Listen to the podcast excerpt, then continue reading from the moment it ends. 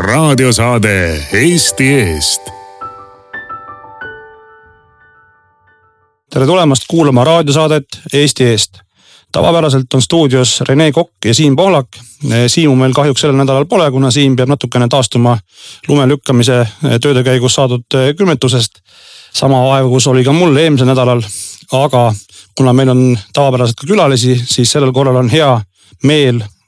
tervitada meie stuudios Kai Rimmelit ja Mait Järvikut. Kai on meil endine riigikogu liige, Jõelähtme vallavolikogu liige ja revisjonikomisjoni liige. lisaks sellele ka ettevõtja. ja Mait Järviku taustast nii palju, et Mait on meil Kehtna vallavolikogu liige, kuulub eelarve ja arengukomisjoni, on ettevõtte Sibelco Baltikum tegevjuht ja tegev ka ettevõtjana Järvakandis ning Järvakandi soojusnõukogu esimees ja see taustainfo lihtsalt selleks, et kuulajad teavad, eh, mis, mis teemadel ja, ja mis pädevusega inimesed meil siin täna stuudios on. aga tere tulemast, Kai ja tere tulemast, Mait.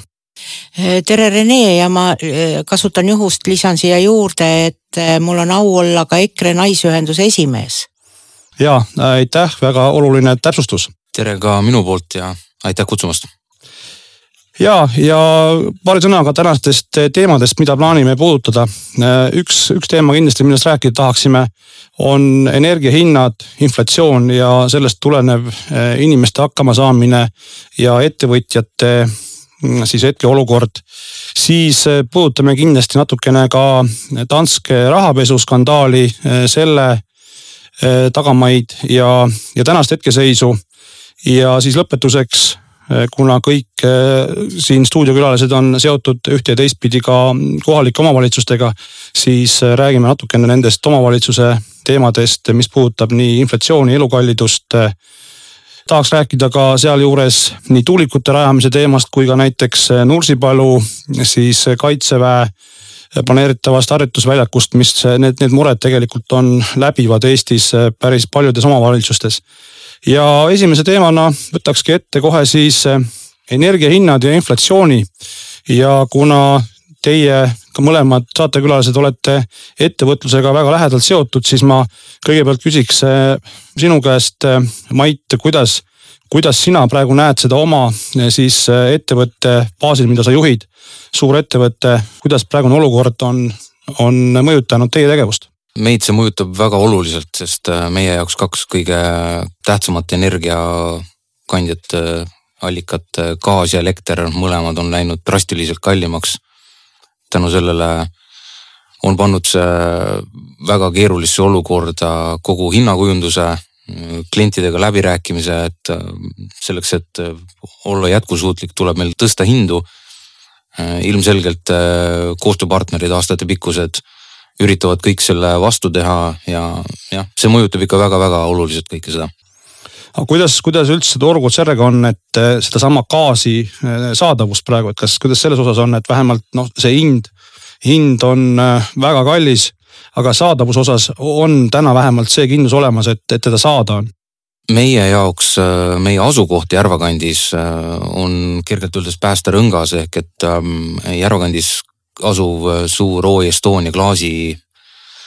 pudeleid ja purke ehk siis äh, klaaspakendeid tootev ettevõte äh, on ülima tähtsusega ja nende klaasivanne ei tohi jääda mitte mingil juhul ilma gaasita. ja kuna me oleme vahetult ennem neid sealsamas trassi otsas, siis see on see, mis meid natukenegi leevendab seda olukorda, muidu ei oskaks öelda jah. siiani ei ole olnud probleeme, aga ilmselge oht on meil kõigil selles aga absoluutselt, et see, see hinnapoliitika, mis täna on, see on ikkagi täitsa ulme ja ilmselt oma, oma mõju avaldab teile ka see, et, et Paldiskis ei ole täna meil LNG laeva, kus oleks võimalik tagada meie ettevõtjatele gaasijulgeolek. aga Kai, sina ka endise Riigikogu majanduskomisjoni eh, liikmena, kuidas sulle tundub meie IT-ministri ja, ja üldse siis meie mõlema majandusministri tänased seisukohad, eh, mida meedias on välja öeldud kui vaadata seda olukorda, milles me oleme ja need sõnavõtud, et kuidas sa neid kommenteeriksid? tead, kui aus olla, siis enne jõule ei, ei tahaks äh, selliseid äh, väljaütlemisi üldse kommenteerida, sest paraku viivad need võib-olla kellegi nii-öelda solvamisele, aga ma ütleks nii palju, et kindlasti on nad täiesti ebamõistlikud, ebaratsionaalsed ja, ja ilma igasuguse nii-öelda kaine mõistuseta välja öeldud mingisugune sõna nii-öelda siis mulin nii ühe kui teise ministri poolt. kõige kurvemaks selle LNG laeva juures teeb tegelikult mind see põhimõte, et kui riik alustas koostööd eraettevõttega, siis tänaseks on ju selge, et on lükatud ja nügitud see eraettevõte siis kõrvale, kõikvõimalikke nii-öelda raskusi ette loobitud ja sõna mitte peetud. minul tekib küsimus, kuidas saavad eraettevõtted edaspidi oma riiki usaldada, nendega koostööd teha, mis oleks tegelikult hädavajalik, et just eraettevõtted hakkaksid riigiga tihedamat koostööd tegema. nii et siin on nii äh, palju küsitavusi, mis tegelikult äh, näitab ka seda, et kõik need ministrite tänased väljaütlemised ju suurendavad veel seda lõhet. ja täiesti nõus küsin siia juurde, et kuidas teile tundub see väljaütlemine, mida, mida meie IT-minister on siin mitmeid kordi öelnud, et, et need ettevõtjad, kes täna hakkama ei saa, siis nende ärimudel ongi kuidagi aja ära elanud ja, ja peavadki oma tegevuse lõpetama, noh, olles, olles ise olnud ka ettevõtja maapiirkonnas. et ma tean, kui keeruline see on ja tegelikult on meil Eestis väga palju neid ettevõtjaid, kes suudavad oma perele eh, toidu lauale tuua, aga see ei ole mingisuguseid suuri kasumeid eh, teeniv äri. samas ei ole ta riigi kulul, ta on maksumaksja, ta ei vaja, ei vaja riigi sotsiaalsüsteemist vahendeid ja nüüd kuidagi tulla nagu ütlema, et, et kui te ei olegi sellised miljoni ettevõtjad, siis teid polegi vaja kuidas te nagu sellist äh, ministri mõttekäiku kommenteeriksite? no mina ütleks nii palju, et äh, sellist väljaütlemist saab nii-öelda tuua ainult inimene, kes pole ettevõtlusega ega tootmisega kunagi ise tegelenud ja ei tea sellest asjast tegelikult äh, midagi. nagu sa juba tõid, et maapiirkondades on väga palju selliseid väikeettevõtteid, kes hoolitsevad ise oma pere ja ka nii-öelda kogukonna eest annavad töökohti kasvõi ühele või kahele inimesele ja see on ainult tervitatav ja teretulnud ja, ja selline ministri poolt väljaütlemine on, on väga pahatahtlik ja küll ei kuulu nii-öelda ministri pädevusse niimoodi välja öelda. Ja kuidas, kuidas Mait sulle tundub, kui sa vaatad nüüd Kehtna vallas ja eriti Järvakandi piirkonnas ringi, kuidas seal ettevõtjatel täna seis on ja kuidas see ministri sõnum, mida ta siin läbi meedia on andnud, seal selles vaates tundub? täiesti sügavalt solvav, ma arvan, väga paljudele jaoks, et äh, kui aastaid on äh, mingisugused ettevõtted töötanud ja nende ärimudel on toiminud suuremal, paremal või vähemal määral, siis äh, nad on tänaseni elus ja kui nüüd järsku kogu selle krempli juures lihtsalt üks asi elektri hind äh, muudab seda nii drastiliselt, siis äh, tulla ütlema, et äh, see äri on oma aja ära elanud, siis see on kohatu. ja riik peaks ikka sügavalt aru saama sellest, et ettevõtjad ja need inimesed, kes toovad neid makse ja hoiavad neid inimesi elus ja, ja ise hakkama saamise juures, pakkudes tööd ja saades palka siis neid kõiki tulebki väärtustada, mitte lasta tekkida võimalust, kus aina rohkem tekib meie oma rahva seas neid, kes käsi ees tulevad igasugu sotsiaalabi ja kõike muud äh, paluma, sest nad ei saa enda elus enam hakkama. see on koht, millest riik peab aru saama, kahjuks see päris nii ei paista. ja ministrite teemal ma tahaks öelda, et on kurb vaadata kõike seda, mis aastast aastasse käib, et äh, ministriks äh, saavad või pannakse inimesed, kes antud valdkonnast mitte midagi ei tea ja siis pole ime, et tulevad sellised proomakad väljaütlemised ja see on ebapädevus kahjuks eh, seda päris palju sedasi on jah, et, et igasuguses valdkonnas ikkagi mingisugune eelteadmine on nagu hädavajalik, et inimene üldse orienteeruks sellesse, kus ta on sattunud juhtima. Tahtsin lisada veel tegelikult siia, et äh, need ministrite väljaütlemised on üks asi, aga nendega on ju ka kaasa läinud või enne neid juba välja öelnud ka peaminister, et suurettevõtted saagu ise äh, endaga hakkama ja ei ole riigi asi neid aidata, aga see teebki mind kõige rohkem murelikuks, olles ise toiduainete tööstuse taustaga, siis ma ütleks niimoodi, et kui inimestel ei ole enam äh, laual toitu ja toiduainete tööstuse ettevõtted peavad uksi sulgema, inimesi koondama, siis see ring ja see auk läheb tegelikult veel suuremaks ja töötute arv äh, suureneb. seda näeb ju ka täna selgelt äh, toidukaupluste lettidel, kuidas toiduainete hinnad on äh, oluliselt kerkinud ja see on paratamatus, sellepärast et toiduainete tööstuse sisendid, kaks kõige olulisemat sisendit on just kütus, gaas, elekter ja ilma nendeta ei ole võimalik toota ja pakendada ja ka laiali vedada, nii et kui me neid ettevõtteid ei aita, siis me ei aita Eestis mitte kedagi, sest et toidulaud läheb nii palju kallimaks, et nii-öelda vaeseid ja näljaseid äh, lapsi ja inimesi tuleb järjest juurde ja abipakett äh, läheb ka selle võrra nii-öelda suuremaks, aga selle asemel, et ise nagu võimalikult seda tootmist suurendada, anda selleks võimalus, selleks nagu tahtmine puudub täna. ja et seda, seda on tõesti kahju, et, et peaminister on ka olnud üsna huvitaval seisukohal, et, et need ettevõtjad, kes on raskustes, on ise selles süüdi ja, ja nagu peakski nii olema, et, et see on nagu kummaline, sellepärast et et aru tuleb sellest saada, et needsamad ettevõtjad on meie, meie maksumaksjad ja, ja meie inimestele tööandjad, nii et kui meil ei ole maksumaksjaid, siis meil ei ole eelarves, riigieelarves raha. ja, ja kui meil ei ole tööandjad, siis ei ole meil inimesi, kes, kes saaks tööl käia ja ja sealt tulevad nii edasi järgmised sotsiaalprobleemid ja, ja selle, selle nagu lühinägeliku vaatega küll kuidagi leppida ei saa aga kiirelt veel selle teema kokkuvõtteks. sellel nädalal oli Riigikogus siis Keskerakonna poolt tehtud eh, otsuse ettepanek Vabariigi Valitsusele töötada välja energiakriisi päästepakett, kus oli siis kolm punkti. üks punkt tähendas või oli ettepanek, et, et kodutarbijatele luua siis saja kolmekümne kilovati ulatuses ühes kuus tasuta elektripakett kuni kolmekümnenda aprillini kaks tuhat kakskümmend kolm siis teine ettepanek oli teha siis eh, elektrienergia ja maagaasi võrgutasude nulli viimine kuni kolmekümnenda aprillini kaks tuhat kakskümmend kolm. ja kolmas siis ettepanek oli laiendada universaalteenust keskmise suurusega ettevõtetele ja kohalikele omavalitsustele. et neid ettepanekuid sarnaseid, mis puudutab siis eh, võrgutasude eh, mahaviimist, CO2 komponentide, CO2 komponendi väljavõtmist ja, ja ettevõtjate, kõikide Eesti ettevõtete toetamist on EKRE mitmel korral universaalteenuse paketi äh, siis menetluse juures ka teinud. Need on kõik kogu aeg maha hääletatud ja ütlen kohe ära, et ka see otsuse eelnõu saalis toetust ei saanud, seda toetas EKRE ja Keskerakond. teised selle puhul ei hääletanud, aga küll aga oma kõnes ma ütlesin ka, et, et noh, ma ei ole päris äh, seda meelt küll, et nüüd äh, et aitamise puhul peaks päris ühe lauaga lööma, et meil on täna olemas väga-väga hea ülevaade meie maksulaekumistest nii Maksu- Tolliametil kui Statistikaamet teab neid numbreid väga hästi, et, et ma arvan, et riigikogu liige küll ei peaks, ei peaks saama äh, seda elektripaketi toetust ka selle saja kolmekümne kilovati ulatuses ja meil on ilmselt Eestis neid inimesi päris palju veel, et igasugune tugi on vajalik ja tegelikult väga kahju, et see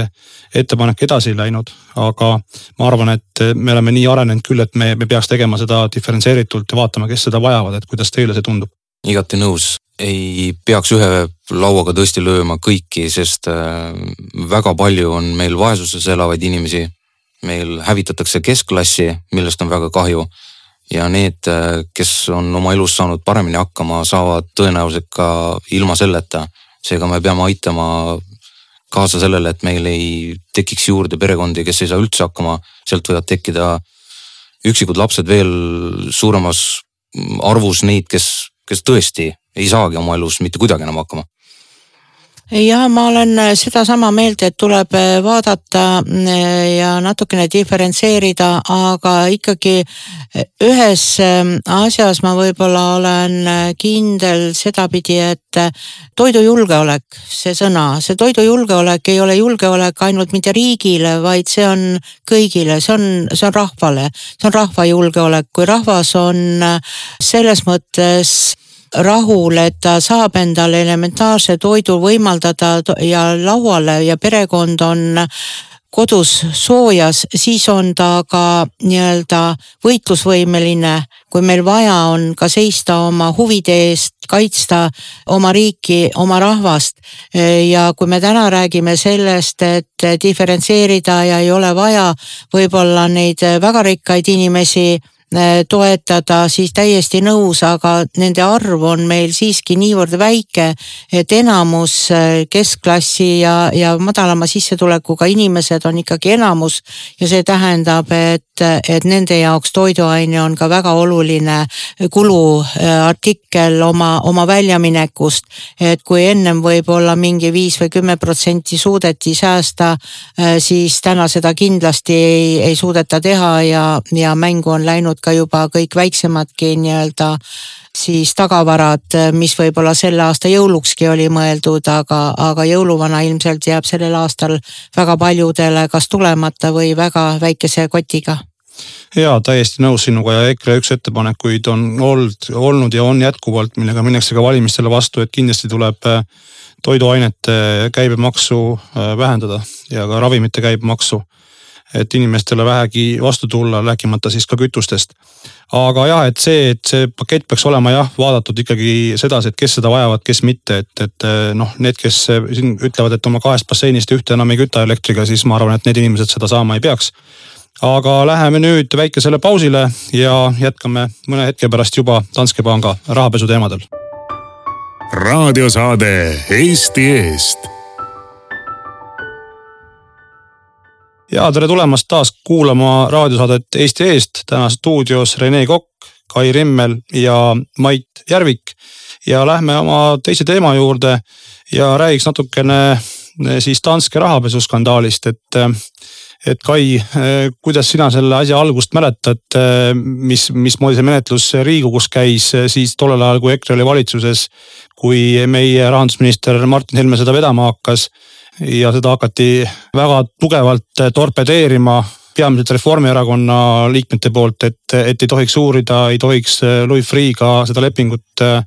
kindlasti jätkata ja nii edasi, et kas sa avaksid seda teemat nii palju, kui sa mäletad tollest ajast? jah, no see kogemus Riigikogus sellel ajal on väga selgelt meeles, sellepärast et selline tunne oli nagu Reformierakonna fraktsiooni liikmete nii-öelda tuppa oli pandud üks mesilaspesa. Äh, mis siis nii-öelda hakkas kõiki teravalt nõelama, äh, sest sumin läks niivõrd suureks ja, ja see teema läks niivõrd teravaks mitte üksi koridorides, vaid ka äh, siis Riigikogu saalis. ei olnud ühtegi nii-öelda siis infotundi või teemakäsitlust, kus siis seda lepingut üles ei tõstetud kui Eesti jaoks väga halba, ebameeldivat, väga valet otsust ja ennekõike loomulikult suurt rahakadu, mis sellega läks, nii et ei olnud ühtegi kiitvat sõna ega hinnangut, aga siinkohal ma tahaks kõikidele ka kuulajatele meelde tuletada seda, et kui te suudate siia kõrvale, et, et seekord jällegi Martin Helmel ja, ja EKRE valitsuse ministritel oli õigus oli õige mõte, et seda lepingut teha ja võimalikult siis nii-öelda süüdimõistmise korral ka seda kahjutasu saada. aga kahjuks Reformierakond oli tõesti see, kes siis nii küünte kui hammastega sõdis sellele eh, mõttele vastu ja, ja seda ei, ei pooldanud. et väga kurb on, et eh, nähakse Eesti jaoks olulisi asju ainult eh, väga madala künka otsast ja ei taheta näha suuremat pilti. koostöö nii-öelda Ameerika uurimisorganitega oleks andnud meile kindlasti palju parema imidži, palju parema nii-öelda seisu tänases olukorras, kus taanlased saavad nii-öelda sisuliselt ikkagi ju süüdlasena üle neljasaja eh, miljoni ja meie siis nii-öelda selle vahetalitusena, keda siis ära kasutati, tegelikult jääme tühjade pihkudega, nii et minu arvates see päris õige ei ole ja kurb loomulikult. nii on jah Mait, kuidas sina kui rahvusvahelise ettevõtte juht, kas sul on olnud ka kuidagi oma välispartneritega kunagi tulnud teemaks mõnes äh, kohvilauas see, see teema või kuidas, äh, kuidas sina seda näed? ja see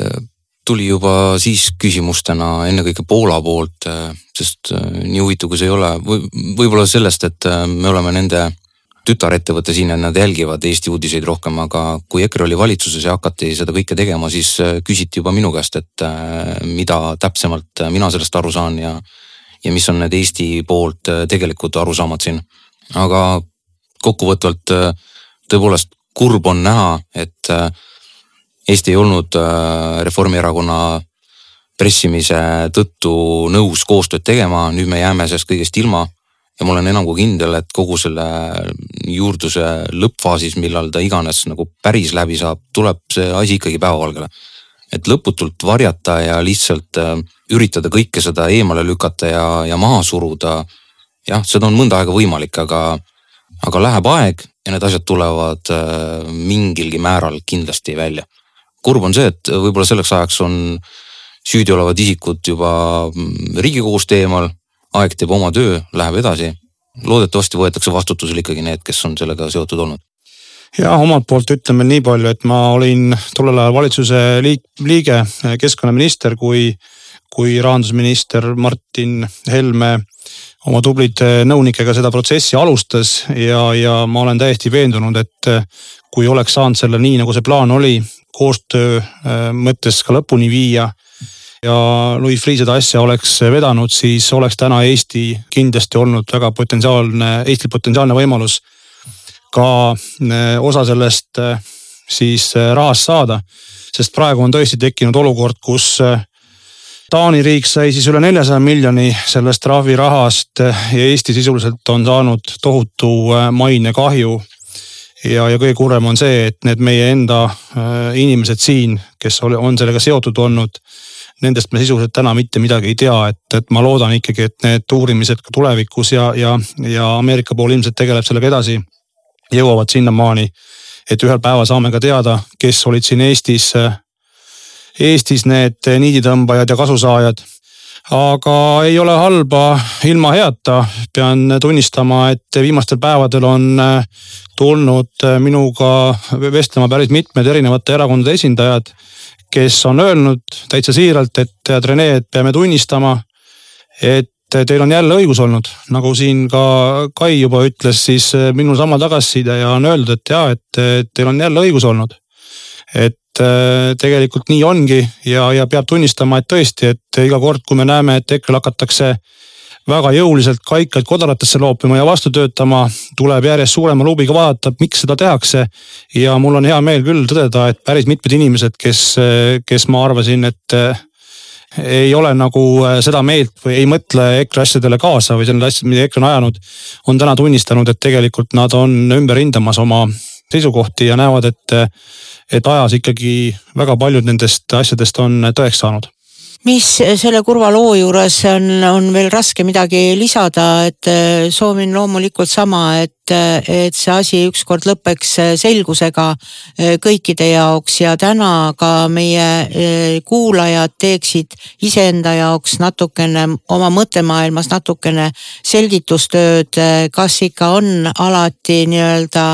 õigus,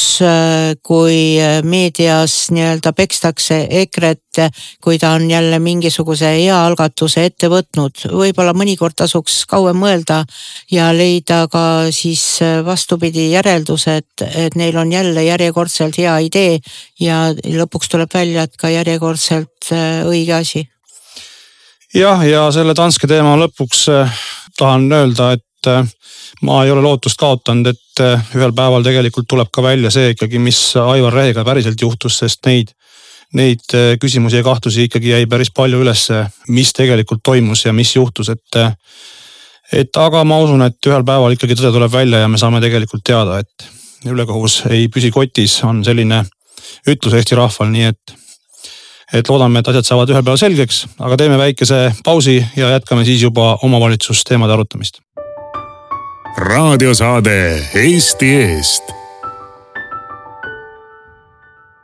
tere taas kuulama raadiosaadet Eesti Eest. stuudios on Rene Kokk, Kai Rimmel ja Mait Järvik ja lähme oma tänase saate kolmanda ja viimase ploki juurde, milleks on siis otsapidi kohaliku omavalitsusega seotud teemad. Ja alustaks seda teemat äh, tuulikute, päikeseparkide teemal ja ka räägiks natukene sellest Nursipalusse siis plaanitavast Eesti Kaitseväe äh, harjutuspolügooni suurendamise plaanist ja üleüldiselt sellest teemast, et tegelikult need sellised äh, suurte rajatiste siis äh, loomise plaanid tegelikult kõige rohkem ja teravamalt löövadki tavaliselt kohalikku omavalitsust, kuna nemad on see kõige lähedasem riigi esindaja inimeste ja siis nende plaanide vahel. ja äh, kuidas teile tundub, äh, head saatekülalised, kas riik on täna siis käitumas õigesti äh, nii nende tuulikute, päikeseparkide kui ka selle Nursipalu harjutusväljaku suurendamise siis asjaajamise korras, et kas see inimeste teavitamine, läbirääkimine ja kogu see protsess tundub teile täna siis ootuspärane, mõistlik ja, ja Eesti inimeste siis soove, vajadusi ka arvestav, et see saaks lõpuks tehtud nii, nagu riigil äh, vaja on? No mina ütleks niimoodi, et kui vaadata riigi seisukohalt, siis kindlasti äh, on siin väga suuri möödalaskmisi äh,, väga suuri probleeme. Ja võib-olla need tegelikult tulevadki sellest, kui, kui valitsuses on inimesed, kes ei ole äh, tegelenud äh, reaalse ettevõtlusega, reaalse nii-öelda tööga, mille eelduseks on nii-öelda selle pika vaate, pika pildi. Nägemine, see väljend on muidugi väga halb selles mõttes, et see seostub kohe teise erakonnaga, kellel see pilt on mustvalge, aga ma ütleks niimoodi, et, et midagi planeerida peaks vaatama natukene kaugemale, on see tootmine, on see riigi juhtimine, on see julgeolek. ja tegelikult seda meil ei ole, meil elatakse võib-olla aasta-kahe kaupa ja eriti palju plaane kaugemale ega nägemust ei ole. Ja siis, kui ka on, siis suudetakse ka needki plaanid äh, nii-öelda uppi keerata, kui nüüd rääkida siis äh, äh, tuuleparkidest ja, ja päikese nii-öelda parkidest, siis kindlasti ei ole ma selle alternatiivse tootmise vastane, aga me ei saa elada ei päikesest, ei tuulest sest me elame siiski ka Põhjamaal ja kui me täna aknast välja vaatame, siis ei aita meid täna ei päike ega tuul eriti palju, kui kõik päikesepargid on meetrise lumekuhja, kuhja all ja tuulikud kahjuks äh, siis, kui ka tuul on, millegipärast ei, ei tööta. nii et vajakajäämisi selle asja läbiviimisel on väga palju päikese ja tuuleparkidel on riigi poolt ju ka tegelikult väga palju äh, kaikaid kodarasse pillutud ja väga aeglaselt on neid asju arutatud ja otsustatud, nii et äh, siin neid kitsaskohti on, on väga palju ja siis äh, ennem jõuavad juba valitsused vahetuda ja hakkab, hakkab juba nii-öelda siis see planeering jälle otsast peale, et seetõttu nagu jah, sellist nägemust pis, pikas perspektiivis ei, ei ole, täna me võime küll rääkida, et kahe või kolme aasta pärast on mingisugune mere, meretuulepark valmis, aga aga mis, mis see meile annab, kui me täna ei tea, kas siis selleks ajaks meil nii-öelda seda tavapärast äh, voolu on, mis Narvast kindlalt peaks meile tulema, et meile nii-öelda anda seda toasooja iga päev ja ma kinnitan siinkohal üle ka, et EKRE ei ole kuidagi taastuvatest äh, energiaallikatest energia tootmise vastu, nagu siin aeg-ajalt püütakse püütakse selgeks teha inimestele. küsimus on selles, et EKRE on kahe jalaga maa peal ja EKRE saab sellest väga hästi aru, et äh, täpselt nagu Kai ka ütles siin, et ka sellel ajal, kui meil tuult ja päikest ei ole, on vaja elektrienergiat ja, ja meie oma maavara põlevkivi näol on olemas. ja, ja põlevkivi energiaplokke tuleb uuendada ja taastada, kui vaja on parima võimaliku tehnoloogiaga, mis võivad jääda sellel päeval siis äh, riigi julgeoleku, energiajulgeoleku reservi kui meil on olemas tõesti ka päriselt, mitte ainult sõnades, nagu meil väga palju loosunglikkust on selles kogu selles rohepöördes ja, ja selles asjas. aga meil on vaja elektrienergiat äh, juba täna ja, ja nii see on paraku. aga tuleme nüüd äh, konkreetselt siia Järvakandi äh, vallamaile, et ma tean, Mait, et teil on Kehtna vallas päris mitmeid tuulikute arendusi plaanis. ja üks on seal Järvakandi külje all Nõlva külas ja ja palun räägi, kuidas see hetkeolukord on ja kuidas, kuidas siin Kehtna vald praegu hakkama saanud on inimeste ja kogukonna kaasamisega? Jah, ma ütleks ka kohe ära, et mina ei ole kindlasti mitte tuulikute vastane, igatepidi ise energiat ja kõike seda õppinud isikuna saan aru, kui vajalik see on, aga kahe jalaga maa peal seistes tuleb vaadata meie asukohta siin maailmas ja, ja paraku siin Põhjamaades ilmast ja, ja kõigest muust lähtuvalt eh, me ei saa kindlasti jääda ainult eh, päikese ja tuule peale. vähemalt tänane tehnoloogia seda mitte mingil moel ei võimalda ja seda ei ole ka näha lähimas tulevikus seega kõik, äh, mis puudutab varustuskindlust ja, ja meie praeguseid elektrijaamu, selle nimel tuleb tööd teha, et äh, see kõik säiliks ja, ja veel meile aastaid kindlustunnet annaks. aga Järvakandi asula külje alla Nõlva küla elanike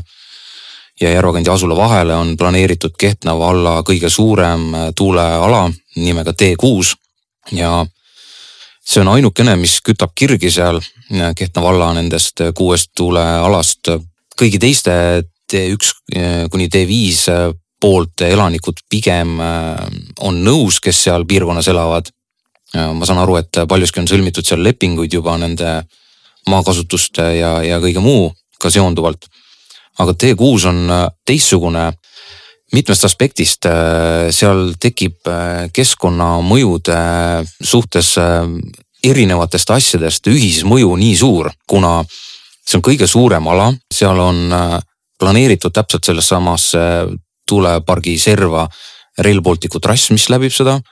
sinna tuleb Järvakandi äh, jaam ehk siis reisiterminal. ja Kehtna vald annab järjest välja nüüd kaevandus, noh Kehtna vald ei anna luba välja kaevandada, vaid annab nõusoleku, et seal saaks avada kaevandust ja, ja kõik need mõjud kokku äh, mõjutavad oluliselt rohkem, kui üks äh, asi tervikuna oleks seal ainult olnud. nüüd, kui aasta tagasi hakati tutvustama Kehtna valla poolt äh, arengukavades kõike seda, siis selles menetlusprotsessis ei kaasatud rahvast. seda üritati teha minule arusaadavalt väga kiirelt, vähese etteteatamise ajaga, väga vähese teavitusega. ja see on koht, mida ma ei pea õigeks ja kui seal Nõlva külas inimesed said aru sellest, mis kõik sinna nende elamise juurde tuleb ja kui suuresti see hakkab mõjutama nende elukeskkonda, siis nemad hakkasid selle vastu allkirju koguma. Neid sai seal kahe-kolmesaja vahel. tehti mitte kampaaniat, vaid reaalselt räägiti kohalike elanikega Järvakandi alevist samuti. kõik, kes on meelestatud sedamoodi, et Kehtna vallas viis ala on ja selle võiks ja peaks jätma hetkel vähemalt tegemata siis see on asi, mida Kehtna vald absoluutselt arvesse ei võtnud. kui reaalselt rahvas näitab millegi vastu vastumeelsust, siis kohalik omavalitsus peab seda arvesse võtma. ja tänaseks on see asi jõudnud nii kaugele, et Nõlva küla selts, kes on nende inimeste poolt siis äh, selle organisatoorne pool läheb reaalselt äh, Kehtna valla vastu kohtusse. ja kas me peaksime neid asju tänasel ajal sedasi ajama, et äh, teeme jõuga midagi ära. kui on piisavalt inimestes äh, tahtmist, siis nad kohtu kaudu võitlevad selle vastu. ma ei leia, et see nii peaks käima, et äh, kindlasti see on asi, mida peab igas vallas muutma, ehk et vald on ju tegelikult ikkagi oma elukeskkonna ja oma inimeste heaolu eest seisev. ja see on ehe näide sellest, nii ei peaks käituma ja ma olen selles mõttes sinuga täiesti nõus, et eh, kohalik omavalitsus ongi kohalik omavalitsus, just nii nagu see sõna on ja sõnad on. ja kui kohalik omavalitsus ei seisa kohaliku kogukonna ja, ja inimeste eest, siis kes siis veel. ja, ja siin just, just ongi nii, et eh, noh, kohalik omavalitsus peab ikkagi võtma aja maha ja tegema kõik selleks, et kas leida siis need kokkulepped ja parimad viisid, kuidas edasi minna. või siis ei saa seda asja lihtsalt teha, et jõuga neid asju teha ei ole õige ja ja kuna ma ise olen ka Rapla vallavolikogu aseesimees, siis, siis meil Rapla vallas on äh, Härgla karjäär üks, üks murekoht, kus selgelt äh, praegune koalitsioon on öelnud ka, et äh, Rapla vald ja koalitsioon seisab selle eest, et see piirkond ei tohi seda karjääri sinna saada, selle kogukonna ja inimeste eest tuleb seista ja me seisame selle eest lõpuni, et, et see karjäär sinna ei tuleks. aga nüüd, kui rääkida veel sellest äh, kaitseväe plaanitavast Nursipalu polügooni suurendamisest, et kuidas teile tundub, kas see lähenemine täna riigilt äh, on siis äh, optimaalne ja parim võimalik, äh, mismoodi me riigile siis vajalikke objekte, maaüksusi siis püüame kätte saada riigi ülesannete täitmiseks või oleks siin ruumi seda kuidagi paremaks teha? No kui vaadata seda Nursipalu tegevust, siis minu arvates täiesti kuritahtlik ja, ja ebainimlik täiesti Reformierakonnale kohane käitumine. tegelikkuses eh, on jäetud, nagu öeldakse, need esimesed kaks-kolm etappi täiesti tegemata, et jõuda inimestega laua taha, arutada teemat, mis on väga oluline Eesti riigile ja Eesti riigi julgeoleku olukorras on ju ka eh, need etapid kõik vahele jäänud, täna sõidetakse lihtsalt üle, öeldakse, et olukord on selline, meil on seda maad vaja ja võtke või jätke ja, ja kauplemine käib selle peale, kes on väiksema rahaga nõus. Eh, see on täiesti vale suhtumine kui täna tahetakse üldse inimestega läbirääkimisi pidada, siis eh, kauplemine peaks käima selle peale, milliste rahasummade ja vahetus äh, nii-öelda siis tegevustega inimesed üldse oleks nõus oma emotsioone, oma ehitatud äh, kodu, kodust lahkuma ja oma emotsioonidest äh, nii-öelda siis kuidas öelda, teise kohta üle kandma. siin peaks riik mitte vaatama, kui vähe, vaid vastupidi, kui palju, millise raha eest me suudame inimestele nii-öelda uue kodu ja uue võib-olla siis elu anda, sest seal on põllumehi, seal on väikeettevõtjaid, kellel on vaja nii-öelda uut põllumaad, et alustada, kellel on vaja loomakasvatus üle viia Need kõik on tegelikult läbi rääkimata ja, ja üritatakse anda üks väike rahapakk kätte ja öelda, et võtke või jätke, nii see asi tegelikult ei käi. ei tohigi käia ja ma täiesti toetan inimesi, kes sealkandis elavad, et nende emotsioonidest, äh, oma kodutalust äh, lahkumine, see on, see on väga raske ja siin ei tohi inimestele liiga teha. ja, ja tuleb nendega leida mõistlik kompromiss, aga, aga mitte sedapidi ka nagu riik on täna seda ajanud. ja loodame, et, et siinkohal ikkagi rohkem inimestega arvestatakse ja ja et see protsess leiab ikkagi mõistliku lahenduse ja kindlasti hoiab siin ka EKRE omalt poolt kätt pulsil, et see protsess oleks eh, mõistlik, eh, inimväärne ja, ja inimesi toetav, et sedasi üle sõita lihtsalt ei saa. aga hakkame oma saatega lõpupoole juba jõudma. kas on mingeid teemasid veel, mida te tahaksite oma inimestele nii Kehtna vallas kui, kui ka siis Jõelähtme vallas edasi öelda, teavitada, et palun, eeter on teie ja minul on küll südamel üks väike mure, kuna Jõelähtme vallavolikogu EKRE saadikute poolset äh, jõulutervitust kahjuks ei võeta Jõelähtme valla ajalehte, väidetes, et siis see on poliitiline reklaam, siis ma tahaksin eetri vahendusel soovida kõikidele Jõelähtme valla inimestele ja üldse kõikidele inimestele sooja tuba, elektrit lampidesse ja verivorsti jätku, et teile verivorsti jätkuks koos nii-öelda ka seapraega sellelgi jõulukorral ja et jõuluvana teid päris ära ei unustaks ja ikkagi oma väikese kingikotiga ukse taga koputaks. olge mõnusad, olge optimistlikud, uskuge, kui te tulete märtsis meiega, siis me päästame Eesti Need head sõnumid ja sõnad Jõelähtme valla rahvale edasi antud, kas Mait tahab midagi ka Kehtna valla teemadest puudutada veel, mis, mis jäi kuidagi kripeldama? ma räägiks midagi positiivset äh, siia saate lõppu. Järvakandi on olnud äh, aastaid, äh, täpsemalt siis juba sada nelikümmend kolm aastat Eesti klaasitööstuse süda ja tänaseks on ta muutunud veel rohkem selleks, sest seal on juba neli suurt ettevõtet, kes tegelevad otseselt klaasitööstusega. ja hetkel on võimalus Kehtna vallas teha selline asi ära nagu klaasiklaster ehk siis koostöövõrgustik, mis ei ühendaks ainult äh, neid ettevõtteid, vaid seoks sinna koostöösse lasteaiast, koolist kuni väikeettevõtjateni. kaasa arvatud äh, meie unikaalse klaasimuuseumi ja selle kõrval tegutseva klaasikoja, kus reaalselt äh, külaline saab tulla, puhuda klaasi, teha endale seal ehteid, meeneid, neid kaasa osta. kõik see, mis seal on olemas see tuleks turunduse mõttes ilusti käima panna ja selleks see klaasiklaster ongi. ja ma siiralt loodan, et kakskümmend üks detsember volikogu istungil volikogu liikmed, kes peavad valima nüüd kahe Mata rahastuse projekti vahel saavad aru, et äh, Järvakandi loodav klaasiklaster, see oleks midagi nii unikaalset ja mitte ainult Rapla maakonna ülene, vaid Eesti ülene asi, millest Kehtna vallal oleks äh, lähiaastatel võita tohutult. Me paneksime väga unikaalse maamärgi sinna püsti, kui selle asja käima saaks ja nende positiivse sõnumitega, ma arvan, ongi paslik lõpetada ja, ja koputame siis Kehtna vallavolikogu volinike südamele, et analüüsige oma otsus väga põhjalikult läbi ja tehke see siis parim võimalik Kehtna valla ja Rapla maakonna ja terve Eesti jaoks. ja omalt poolt soovin ka kuulajatele head advendiaja jätku. raadiosaade Eesti eest. Saate eest tasus Eesti Konservatiivne Rahvaerakond. Saate järelkuulamine internetis treraadio.ee